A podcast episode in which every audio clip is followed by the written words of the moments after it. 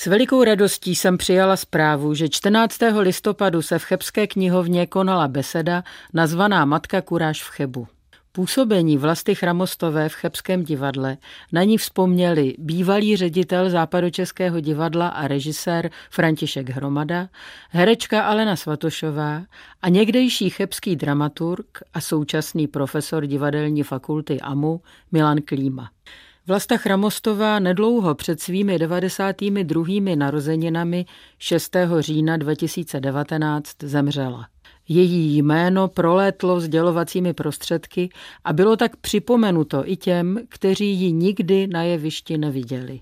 Třeba v Národním divadle v Praze, kam se ve svých 60 letech po 20 letém zákazu vrátila a znovu se dokázala začlenit do složitého divadelního provozu. Když si uvědomíme, co to je například herecká paměť a jak je pro herce na jevišti životně důležitá, a to nejen kvůli textu, ale i pro zapamatování jevištního aranžma a vůbec pohybu po scéně, jakým fyzickým výkonem je dvouhodinový pobyt v plném soustředění a světlech reflektorů na velkém jevišti, je to nejen obdivuhodné, ale téměř nepředstavitelné. Vlasta Chramostová se v 80 letech rozloučila s divadelním jevištěm rolí babičky v adaptaci románu Boženy Němcové. Ale na umělecký život nerezignovala. Vydala dvoudílné paměti To byl můj život, ve kterých podala vtipně, věcně a bez patosu svědectví o životě svém i společnosti od 50. let 20. století až do století 21.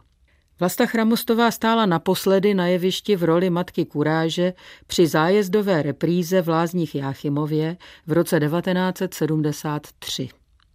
Historie místa, kde byli na nucených pracích v 50. letech týráni i její disidenčtí přátelé, jako například spisovatel Karel Pecka, spolu s poslední příležitostí oslovit publikum z jeviště, dali té repríze tísnivý podtext.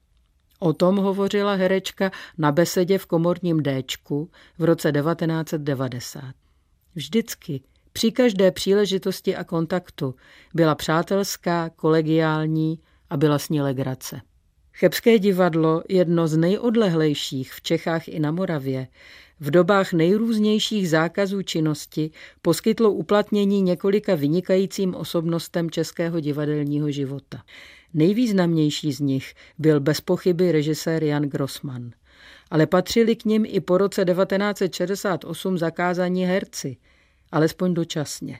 Chebské divadlo má ale také jakýsi zvláštní dar vypravovat do velkého uměleckého světa začínající talenty.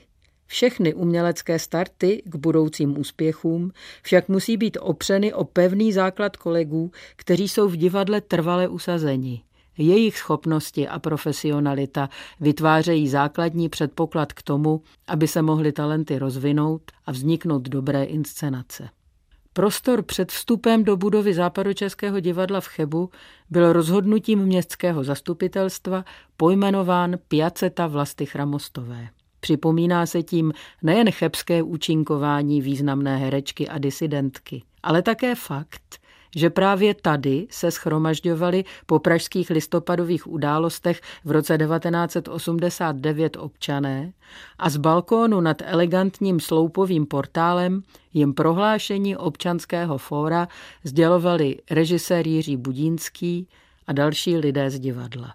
Chebské divadlo se dovedlo vždy s nadějí dívat dopředu, i když zrovna současná realita nebyla růžová. Věřím, že to umí stále.